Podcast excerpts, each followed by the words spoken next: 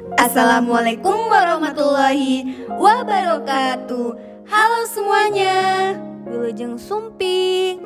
Selamat datang kembali di podcast Radani. Apa kabar semuanya? Setelah hampir satu bulan kita nggak bikin podcast bareng Akhirnya kita bikin lagi. Yeay. Gimana nih Nila kabarnya? Gimana sama script suite-nya? Alhamdulillah kabar baik Nanyain script suite Duh kayaknya ini pertanyaan yang sensitif banget buat anak semester akhir Iya enggak sih? Enggak sih Oh iya, kamu gimana kabarnya Ra? Alhamdulillah baik Kemarin sempet hmm, Ya udahlah lanjut Teman-teman, kemarin ngerasa kehilangan gak sih sama kita yang lama gak update podcast? Beda banget ya kita ya Ngomong-ngomong tentang kehilangan nih ya Di episode kali ini kita bakal membahas tentang makna kehilangan Hmm, makna kehilangan Pernah nggak sih teman-teman ngerasa kehilangan? Entah itu kehilangan barang, orang yang kita sayangi, momen yang berharga, apa pun itu pernah nggak sih? Pasti pernah dong ya. Kehilangan sesuatu tuh sedihnya bukan main ya, apalagi sesuatu yang udah melekat banget sama kita. Menurut kamu gimana Nil? Setahu aku, kamu nih kayaknya banyak pengalamannya soal ini, soal kehilangan. Oke, sesuai dengan pembahasan kita nih tentang makna kehilangan, aku mau cerita sedikit ya, nggak apa-apa kan? Nggak apa-apa. Jadi gini Ra, uh, dulu aku pernah ngerasain kehilangan banget.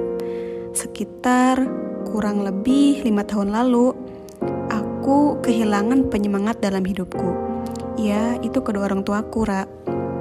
Waktu itu aku masih duduk di bangku kelas 2 SMK semester akhir. Pertama kalinya aku kehilangan itu ya sosok bapak.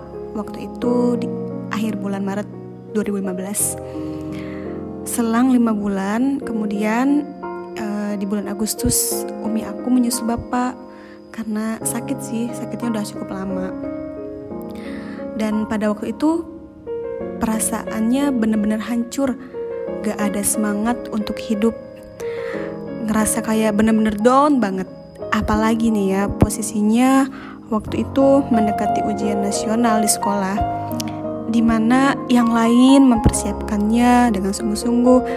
Nah ini aku bener-bener gak ada persiapannya sama sekali karena masih kepikiran masih belum nyangka aja gitu sama kenyataan yang dihadapi pada saat itu dan bener-bener ancur banget nilai-nilai ujian yang keluar.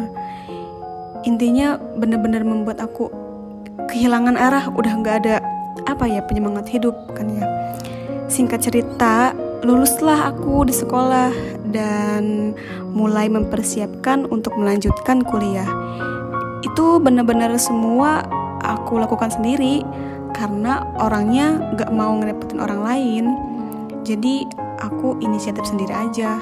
Semuanya aku kerjain sendiri. Jadi gitu. Berarti pada saat itu merupakan titik terendahnya kamu ya di mana setiap hari kamu itu bareng-bareng terus di rumah terus dari kecil selalu sama mereka terus ya dibimbing diajarin banyak hal. Tapi pada saat itu kamu gak menyangka bakal seperti ini ya Nil ya? Nggak nyangka banget sih pastinya. Uh, apalagi kan uh, pertama kali kehilangan itu kan ya bapak ya sosok orang yang benar-benar humoris gitu ya. Kita kehilangan orang yang selalu menyemangati kita gitu. Uh, dan yang paling aku pikirkan itu aku punya adik juga kan pada waktu itu dia uh, masih SD aku yang mikirin banget dia usia yang segitu tuh masih butuh uh, kasih sayang, masih butuh perhatian orang tua. Nah, aku mikirin nanti dia gimana hidup tanpa orang tua gitu. Terus kamu mulai menerima ini semua mulai kapan Nil? Pasti butuh waktu banget ya Nil. Iya Ra, butuh waktu, kemauan dan juga kesiapan hati untuk bisa menghadapi dan mengatasinya. Kita harus siap-siap kehilangan Karena kita cuma menjalankan peran kehidupan.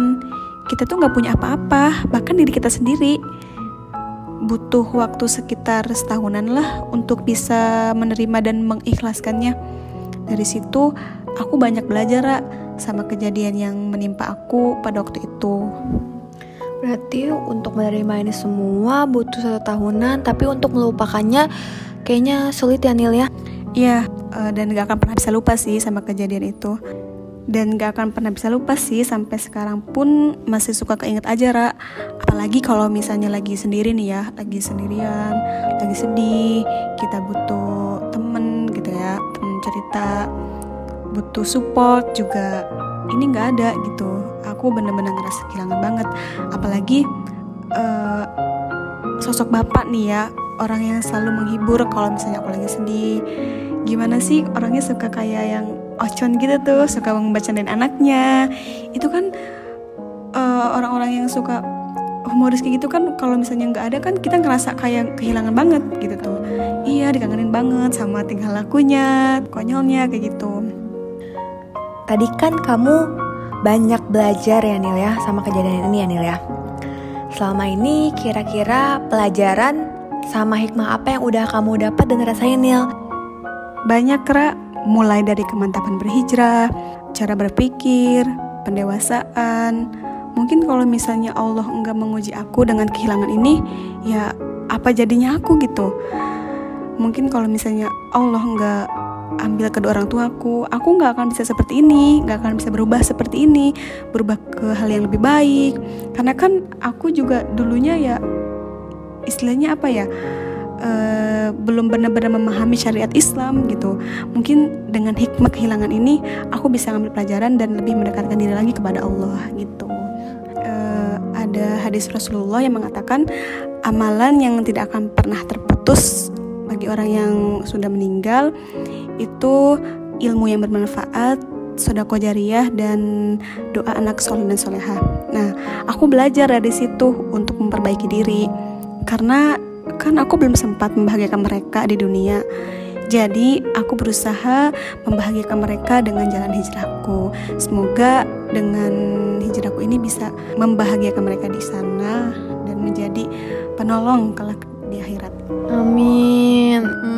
Jadi terharu. Semoga perjuangan ini bisa sampai ke mereka ya Nil ya. Amin. Jadi iya, kehilangan itu bisa membuat perubahan dalam kehidupan kita. Contohnya kamu ya Nil, berubah ke hal yang positif, mendewasakan, memiliki kesabaran yang luas, dan ya memang pada dasarnya kita harus menyadari bahwa kita semua ini hanya titipan sehingga kehilangan sebenarnya bagian dari fitrahnya manusia.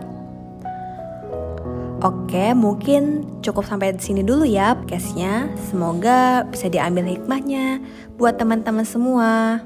Sampai ketemu di podcast selanjutnya. Bye bye. Wassalamualaikum warahmatullahi wabarakatuh.